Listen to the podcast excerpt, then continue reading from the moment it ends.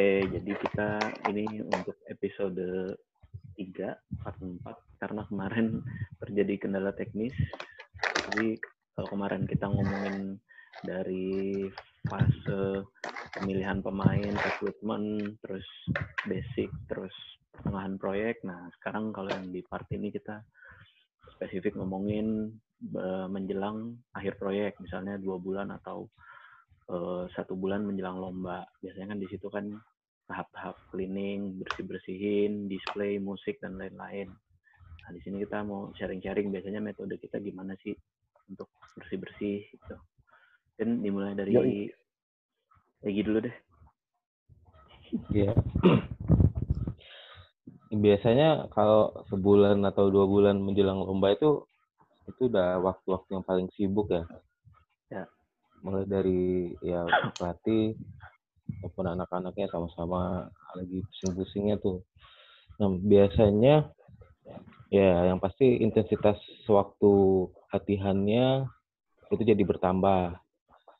Yang biasanya eh, waktu ini eh, termasuk jam sama hari sih. Ya, semua band, semua yang pernah ikut lomba pasti akan ngelakuin hal begitu yang sebelumnya mungkin cuman tiga atau empat kali seminggu mungkin bisa seminggu itu bisa enam atau lima kali gitu terus jam waktunya yang sebelumnya empat atau lima jam itu bisa jadi sepuluh atau dua belas jam dalam sehari gitu. Hmm. Ya, karena ya itu tadi semakin dekat lomba kerjaannya semakin banyak uh, sebelum setelah sebelumnya cuman transfer materi aja sekarang harus uh, detailing terus run beberapa movement satu dua tiga empat yang harus di, diselesaikan. Uh, biasanya kalau kalau aku sih selama ini kalau udah deket lomba itu biasanya datangin konsultan. Hmm. itu yang yang sampai sekarang masih masih dilakukan sih. Ya biar biar dapat banyak masukan juga. Maksudnya kan kadang-kadang ada hal-hal yang terjadi di lapangan yang menurut kita itu udah cukup atau mentok atau mungkin butuh masukan baru dari orang yang bisa ngeliat dari sudut pandang lain. Nah makanya dipanggil konsultan. Gitu. Ada lagi apa lagi ya? Ya, ya ya biasanya ini sih uh, ngelihat masalah-masalah yang ada di lapangan termasuk masalah-masalah personal sih karena kalau buat aku pribadi kalau ada satu atau dua orang yang mungkin visinya menjelang lomba itu udah mulai beda atau turun dari yang lain nah itu harus cepat diselesaikan karena mau nggak mau uh, cepat atau lambat itu bisa pengaruh ke kesulitan tim sendiri gitu. Nah, itu yang yang mungkin uh, cepat dicari, cepat melihat situasi, terus cepat diselesaikan, carikan solusinya, biar bisa balik lagi ke tujuan awalnya sama-sama gitu. Terus Kalau spesifik apa? metode teknisnya apa? Kalau teknis Tohnya. sih uh, biasanya ya tergantung sih uh, itu ya tergantung dari program program sama pelatihnya juga. Maksudnya tiap tiap habis latihan kan kita biasanya ada rapat atau briefing buat besok mau ngerjain apa. Ya misalnya di kita besok mau bahas hari ini atau hari ini mau bahas lagu lagu satu gitu. Karena karena udah deket lomba mungkin lagu satunya agak di prioritas agak di prioritas dulu karena masih ngejar lagu empat sebelumnya karena karena kita harus balik ke lagu satu ya biasanya uh, cari bagian-bagian yang mungkin sebelumnya masih banyak masalah misalnya di frasa tertentu uh, ya itu yang jadi prioritas dulu buat buat nyelesainnya gitu. Ya baik itu di latihan seksional atau saat gabungan dengan section lain. Hmm. ya kalau aku sih biasanya nyebutnya uh, waktunya minor lah, bagian-bagian yang emang dicari masalahnya sampai ke akar-akarnya terus diselesaikan di sana gitu. Kalau misalnya ada uh, yang rasanya pencapaiannya nggak akan terkejar sampai ke lomba mungkin harus di downgrade gitu harus diturunin uh, tingkat kesulitannya. Oke. Okay. Pak Rizal? Ya, mungkin salah satu salah satunya begitu. Belum. belum. Udah, udah, udah. Udah belum. Oh, udah, udah.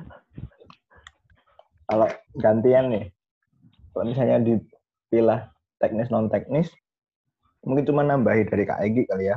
Soalnya ininya sama. Kalau misalnya non teknis nih ya, biasanya kan pemain-pemain kalau udah mendekati lomba tuh oke adrenalinnya tinggi, latihan tensinya tinggi.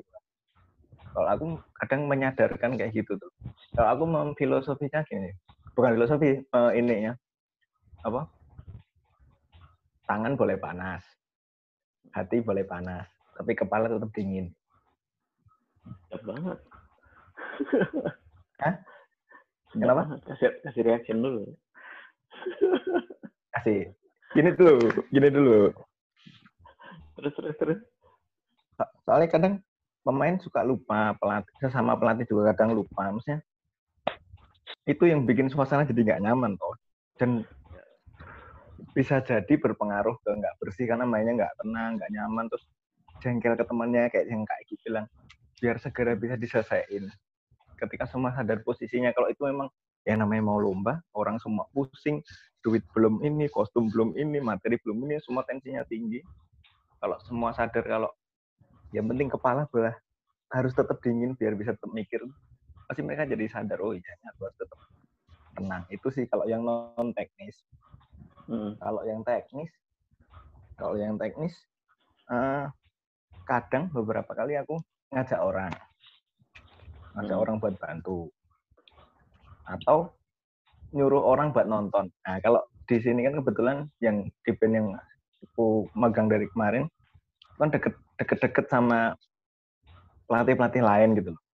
Hmm. jadi nggak suruh datang suruh datang mau itu lawan mau itu kawan tak suruh datang okay. begitu kelihatan langsung tak samperin mas gimana ada masukan? Ya bodo amat itu main itu lawan mau apa tak tanyain. Soalnya kadang ya itu kalau mau datengin konsultan kadang juga duitnya nggak ini kan. Hmm. nah, akhirnya kayak gitu. Itu secara ini sih secara biar mereka masukkan menyegarkan. Aku juga sih saya refresh oh ternyata kurang ini kurang ini. Terus kalau untuk pembersihannya sendiri biasanya aku pakai ini ngelihat tergantung sih ini ngelihat displaynya juga kalau kalau displaynya itu ketutupan beras gitu atau dari depan baterainya nggak terlalu kedengeran itu biasanya aku nggak peduliin kotor apa enggak itu kadang ayo ah, udah nggak nggak ini loh tapi kalau tempatnya kebuka jurinya bisa masuk terus itu drum break. Wah itu tuh harus selesai. Ya, berarti nyusun prioritas dulu ya? mm -mm. buat mangkas waktu juga kadang nggak mau dibersihin Yo, kalau mau dibersihin juga semua nanti makan waktu terus nanti bisa jadi malah kontennya turun banyak. Itu juga sih. Makanya aku kadang ngelihat kalau displaynya ini terus aku memposisikan nonton dari depan misalnya ada Joy dari jauh cuman bisa lihat stickingnya doang ya udah suaranya terlalu kedengeran biar dibaca stickingnya aja. Misalnya kita aku nggak tahu sih itu itu bisa berlaku nggak kalau juri. Aku nggak ngerti tapi di kepala aku bilang gitu. Itu terus pakai HT hati itu ya. kadang tak pasrahin ke orang yang bisa tak ajak. Bisa juga tak kasih ke anak-anak ke section leader tuh. Jadi aku kontrol dari depan. Kalau dari dari depan tuh bersih biasanya dari dalam tuh kan kontrolnya dikit-dikit tuh hmm.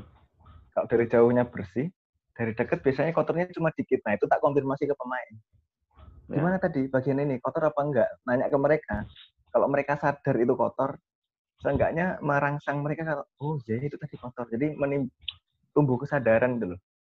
Oke. Okay. Kan yang paling paling paling susah tuh kalau mereka nggak sadar itu salah. Kan itu paling susah kan. Mereka nggak sadar kalau itu kotor atau itu salah. Nah itu yang nah aku mau hindari dengan cara ya menumbuhkan kesadarannya mereka. Itu sih. Kalau trik khusus, aduh aku juga belum berpengalaman. Tapi itu sih. Hmm. Berarti yang penting ini juga ya, maksudnya kalau kita bekerja uh, misalnya saat itu uh, programnya proyeknya lagi full band berarti kan harus selalu koordinasi sama section lain pelatih lain terus uh, dan nyelesain inventaris eh inventaris menginventaris masalah maksudnya. Ya benar maksudnya menginventaris target dan masalahnya gitu. Nyusun prioritas gitu kan. Masalahnya ini ini ini ini, ini masalahnya masalah spesifik satu section atau masalah spesifik misalnya spesifik misalnya di battery aja gitu ya kan? Berarti kan harus disusun prioritas. Soalnya memang kadang-kadang biasanya kalau udah kayak gitu kadang rasanya tuh pengen benerin semua tapi waktunya nggak cukup gitu memang bener sih yeah. memang harus benar-benar nyusun prioritas harus dan harus menyesuaikan target dengan section lain juga gitu. Kalau misalnya saat itu mm-hmm. pelatih visualnya, misalnya pelatih drillnya lagi pengen beresin visual dan kita punya target musik, nah itu kan berarti harus biasanya biasanya sih kalau gue manfaatin waktu sebaik mungkin sih misalnya lagi berasnya lagi yang di drill baterainya nganggur lumayan lama atau lima menit aja lima menit tuh lumayan. Lima menit bisa misalnya ngulang berapa chart yang masih agak kotor tiga chart atau empat chart doang gitu atau satu frase doang diulang-ulang terus. Tapi mungkin uh, sambil pakai pad atau mainnya di rim doang gitu. Jadi nggak nggak mengganggu yang section lain nah itu bisa bisa juga itu pokoknya lima, waktu lima menit itu di lapangan sangat berharga ya bisa ngulang lima kali yeah beberapa chart gitu. Iya, jadi manajemen ya, waktunya juga iya. juga harus diperhatiin ya. Iya. Nah, kalau lu kalau lu gimana gitu misalnya uh, kayak tadi misalnya biasanya kan kalau udah akhir-akhir kan kita targetnya bisa berubah-berubah kan. Maksudnya iya. hari ini hari, dua hari bisa lagu satu, terus tiba-tiba besokannya lagu dua, besokannya lagu hmm. garap closernya, Nah itu gimana tuh nyesuainnya? Nyesuain antara antara target battery dan target besarnya gitu. Target besar secara tim keseluruhan. Kalau kalau aku sih biasanya ngikutin apa yang udah disepakatin di awal dulu sih. Maksudnya misalnya dalam seminggu ini, dalam bulan ini kan misalnya tinggal dua bulan nih. Uh, terus kita masih di bulan pertamanya. Uh. Itu ya kalau di bulan terakhir itu pasti banyak banyak banyakkan run lah, banyakkan banyakkan uh, banyakkan display, ya banyakkan di lapangan displaynya gitu. Itu waktu buat sectional mungkin udah minim banget. Nah, itu biasanya aku manfaatin di sebulan sebulan sebelum eh maksudnya di dua bulan sebelum lombanya. Uh, ya tiap tiap malam itu pasti ada briefing sama pelatih yang lain. Uh, ya aku berusaha buat ngikutin apa yang udah disepakatin uh, di saat kita briefing gitu. Besok mau nyelesain apa dulu, besok uh, jadwalnya kayak gimana, coba ngikutin itu dulu. Nanti kalau ada ya sama hampir sama yang kayak Kak Budi bilang tadi, ada waktu-waktu mungkin yang kita bisa manfaatin buat buat nyelesain masalah yang yang mungkin nggak terbahas di malam sebelumnya ya di sana gitu di di situ dicari waktunya juga sekalian ngasih tahu ke anak-anaknya uh, kan dalam sehari itu nggak mungkin ada ada ada bagian-bagian yang nggak sempat kesentuh. Nah itu dikasih tanggung jawab ke mereka. Besok hmm. di kita kita cek lagi gitu. Ya, paling biasa gitu. Jadi berusaha buat saling bagi tanggung jawab sih sebenarnya. Eh berarti biar kalau misalnya biar sama-sama efektif. Iya, berarti misalnya di latihan lusa targetnya lagu satu gitu uh, target keseluruhan berarti baterainya juga fokusnya akan ke situ ya nggak apa yang lain yeah. Iya. walaupun misalnya lo merasa di lagu dulu. lagu empat ada masalah juga banyak gitu misalnya iya yeah.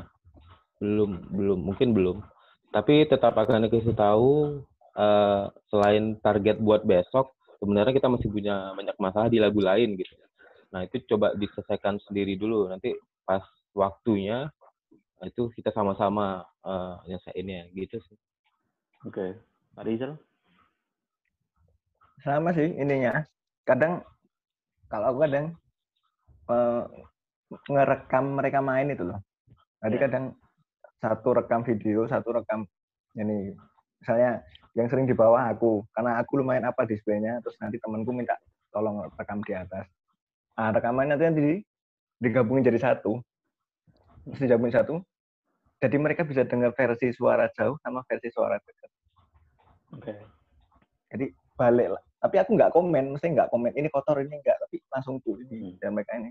Balik lagi ke menyadarkan mereka tahu itu salah apa enggak itu itu terus kalau sisi yang lain-lainnya sama persis sama kayak nyesuaiin itu juga. Sama kadang Berarti ngikutin target besar ya? Ngikutin meskipun saya move satu bersih gitu udah nggak nggak salah. Ya tetap ikut itu. Seenggaknya nge-review review nambah visual mungkin. Oh, ya. di, atau di jam seksionalnya di jam seksionalnya garap lagu yang akan digarap bareng-bareng semuanya? Mm -mm. Ini review nambah visual atau misalnya pas itu udah display konfirmasi ulang kalau kalian saya tahu kan chart ini ke sini apa ini apa. Terus jelasin momen ini perannya ini sama siapa siapa atau mungkin ngasih tahu cara pandang display itu. Jalan ini misalnya beras nih chart gitu kan. Kitanya gabut gitu kan. Nah itu sambil lihat nah habis ini kalian tahu nggak ke mana ke sana kan? Nah, coba lihat si ini tuh ke sana si ini ke sana si ini ke sana.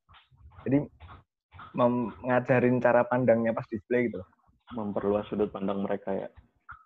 Mm-mm, jadi biar mereka nggak nggak cuma lihat alatnya atau displaynya mereka sendiri tapi mereka menguasai ininya tuh. Apa? Lingkungannya itu iya keseluruhan itu ya iya ya. ya bener ya, bener sih maksudnya uh, itu cukup membantu sih ngasih rekaman. Menurut gue cukup membantu ngasih rekaman di mana yang misalnya spesifik gue juga beberapa kali ngelakuin itu misalnya yang spesifik ngikutin battery doang gitu. Ikut aja gitu mereka display direkam terus misalnya minta tolong sama senior atau gimana.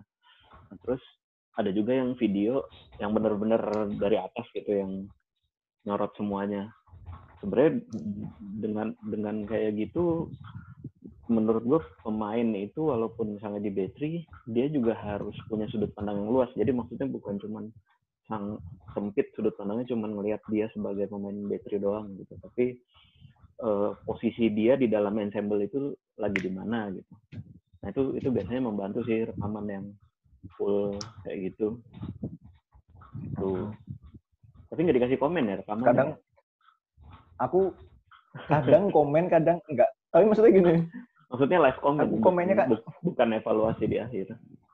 Oh iya live comment kadang beberapa kali misalnya misalnya kotor, nah, misalnya kotor ini tuh dari arah mana gitu misalnya gitu. Tapi aku nggak nyebutin spesifik kan aku juga nggak belum lancar komen langsung gitu kan. Jadi aku cuma komen bagian ini kotor gini gini gini gini. Kayaknya tadi gara-gara ini gitu doang. Nah, nanti selesai kan baru ku, saya di rumah gitu kan dikirim rekamannya ke WA baru ku konfirmasi ke session leader tadi hmm. mereka dengerin sambil tidur terus sadar oh iya aku tadi lupa yang ini oh ya tadi kotor maaf kak soalnya ini kalau lu gimana Gi? Kadang kalau gimana Gi? Eh, mm. belum. Lanjut lanjut. Enggak udah. udah. Udah udah. Lu biasanya kalau rekaman gimana? Pernah nggak misalnya live comment pas lagi main?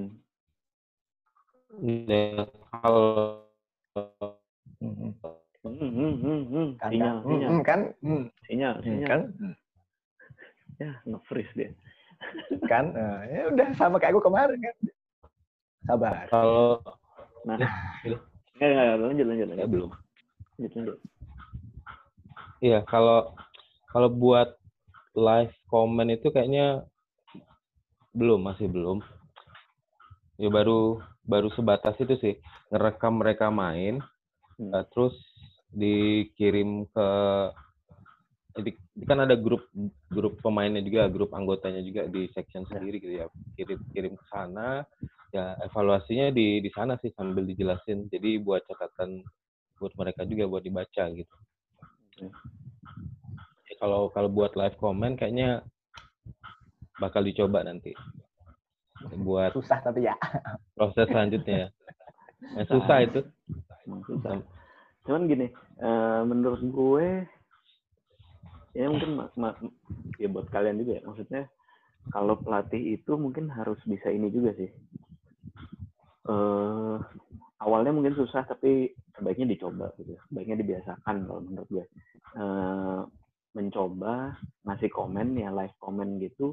Tapi dari sudut pandang juri eh, uh, or at least dari sudut pandang orang yang belum pernah lihat jadi gini yeah. jadi gini kadang-kadang ketika kita menjadi pelatih kita ngelihat anak-anak main sambil ngeliat di lapangan display kita tuh udah tahu di kepala kita gitu karena kita tahu lagunya bener nggak Iya. Yeah. Ya. Karena kita tahu partiturnya kan eh, materinya habis habis ini atau misalnya gini bagian ini bass drum eh, splitnya splitnya kayak gini bunyinya kita tahu empat bar gitu misalnya tapi karena gue nggak tahu kalian setuju apa enggak tapi menurut gue kadang karena kita tahu materinya uh, pikiran kita agak bias pas denger. Jadi kadang sebenarnya bunyi realnya belum tercapai, tapi karena kita tahu materinya, jadi kurang objektif, ngerti nggak maksudnya? Pemakluman gitu ya? Iya, yeah. jadi maksudnya, iya, jadi kayak uh, itu sudut pandang yang susah menurut gue ya. Maksudnya ngatur sudut pandang gitu karena ketika kalian memposisikan diri jadi orang yang nggak pernah lihat atau jadi juri gitu kan juri kan nggak pernah melihat gitu ya. Hmm. jadi nggak nggak nggak tahu gitu. Nggak tahu benar-benar jadi yang benar-benar dinilai apa yang terjadi saat itu gitu.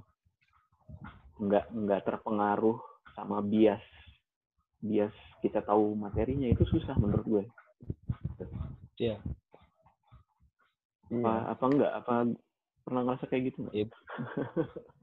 ya benar itu makanya ya kayak dibilang di awal tadi ya kadang datengin konsultan buat buat salah satunya buat itu gitu karena ada sudut pandang yang mungkin di saat kita biasa ngedrill anak-anak ternyata beda dengan dilihat dilihat orang yang baru lihat di saat itu gitu kan hmm. ya itu sih kalau kalau aku sih biasanya ya mungkin belum pernah sambil rekam terus live comment gitu tapi biasanya sambil mereka main jalan ngikutin mereka di depan mereka komennya di sana ngomen langsung gitu. tapi kalau di sambil direkam belum tapi tetap butuh aja. masukan sih deh ya ya tetap butuh masukan dari orang yang baru ngelihat kondisinya gitu Iya, coba, coba ya, aja pandang juri.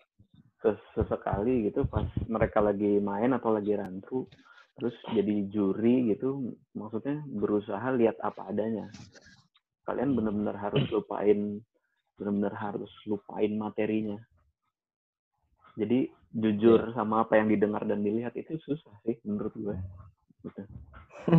tapi memang maksudnya untuk membuang subjektivitas itu maksudnya subjektivitas karena kita udah tahu dan kenal materinya dan kita udah terbiasa mendengar. Berarti kan? Kita udah hampir tiap hari ngedenger gitu. Pasti pikiran kita tuh sedikit banyak kepengaruh gitu. Apalagi kalau lo bikin materinya sendiri gitu. Ya. nah itu itu butuh pembiasaan. Tapi menurut gue itu sangat membantu sih biar kalau misalnya metode ngerapihin sebenarnya kalau gue sharing uh, beberapa yang pernah gue lakuin itu atau yang selalu gue lakuin itu kurang lebih ada tiga sih ada tiga. Uh, yang pertama tuh kayak yang dibilang si Rizal di part sebelumnya masalah apa simulasi display gitu ya. Kayak simulasi ya, display. mini display. gitu. Ya mini display. Blocking nah itu ya latihan blocking nah itu gue juga cukup sering ngelakuin itu gitu hampir selalu ngelakuin itu kalau ada kesempatan kosong. Terutama biasanya ketika lagi latihan display bareng terus misalnya berasnya atau color guardnya lagi di drill terus baterainya punya waktu kosong nah di situ gue suruh bisa suruh minggir dulu atau displaynya dikecilin atau di luar lapangan apa gimana.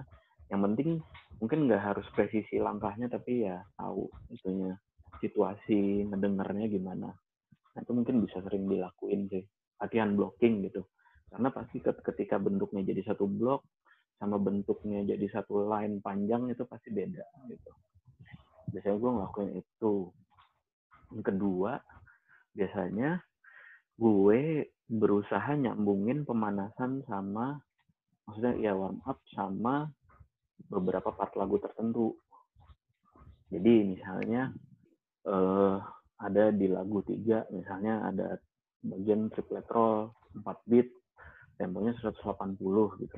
Nah yang sering gue perhatiin itu dan sering kejadian juga itu salah satunya uh, apa namanya mereka pas di jam pemanasan pas main pemanasan misalnya single stroke open roll atau triplet roll atau paradiddle itu udah bersih gitu udah bersih di tempo lagu gitu tak tak tak udah bisa main roll triplet pun misalnya belum jernih banget tapi udah masuk kategori bersih lah gitu. Paling mesetnya dikit-dikit banget gitu. Tapi giliran masuk lagu kok jadi kotor gitu.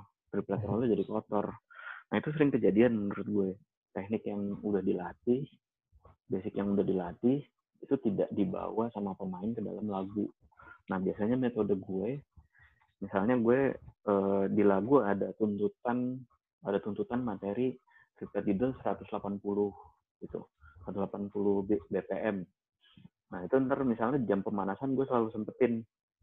Nah, misalnya main tri pemanasan triple diddle atau triplet roll gitu pakai tempo sesuai lagu 180 terus gue jedain gue jedain berapa beat terus langsung masuk bagian lagu yang ada triplet rollnya itu. Jadi misalnya main triplet roll yang ceket ceket ceket ceket ceket ceket ceket ceket ceket ceket ceket ceket ter gam cek cek cek ter terus masuk bagian lagu nah ditekanin ke anak-anak untuk pakai gerakan yang sama pakai pendekatan yang sama pakai cara mukul yang sama di pemanasan sama di lagu gitu. Jadi teknik yang udah dilatih, yang udah dibersihin bisa terbawa ke lagu. Gitu. Soalnya sering banget nggak kebawa gitu ke lagu. Mau teknik apa pun itu, paradiddle gitu, apa gimana. Itu kemarin gue lakuin juga di BCK sama si Egi bareng. Gitu. Biasanya dilakuin juga di Listia, di UI juga. Gitu. Menurut gue itu lumayan efektif gitu hmm. lumayan efektif untuk ngebantu ngebersihin materi lagunya Terus itu yang kedua, yang ketiga itu gue ghost metronom sih. Biasanya ini dilakuin ketika udah cukup stabil temponya ketika pemain udah mulai menguasai materinya. Gitu. Kan uh, ghost metronom tuh metodenya gini gue biasanya gue pernah ngelakuin ini di Listia di Cirebon. Jadi biasa run through satu lagu misalnya main pakai metronom nyala dan pakai metronom nyala terus biasa mereka run through satu lagu selesai gitu.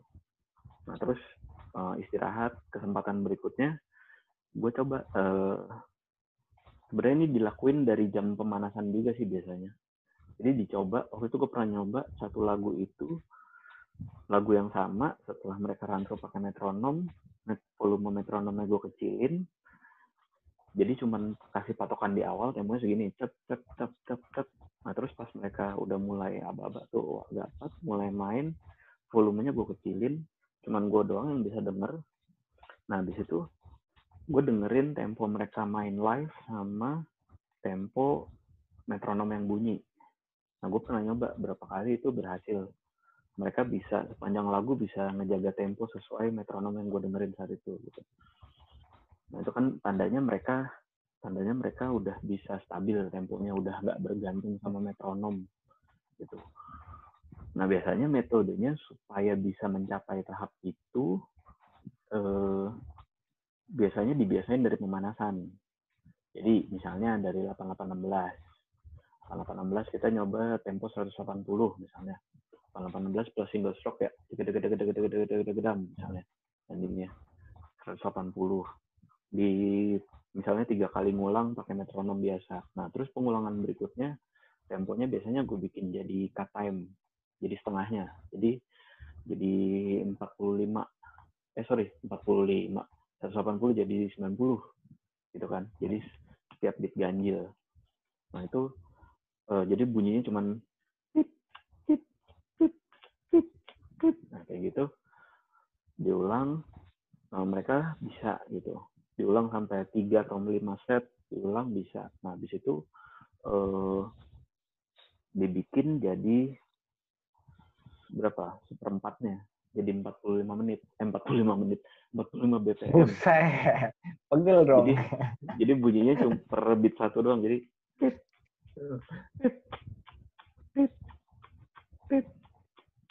nah gitu. Itu mereka uh, sampai mereka terbiasa nah itu kalau mereka udah bisa itu artinya mereka udah bisa ngejaga tempo. Nah udah bisa bukan ngejaga tempo doang ngejaga tempo dan punya persepsi tempo yang sama. Kalau udah punya persepsi tempo yang sama biasanya sebagai pelatih kita lebih gampang dari pengalaman gue sih kita jauh lebih gampang untuk ngebersihin. Benar nggak?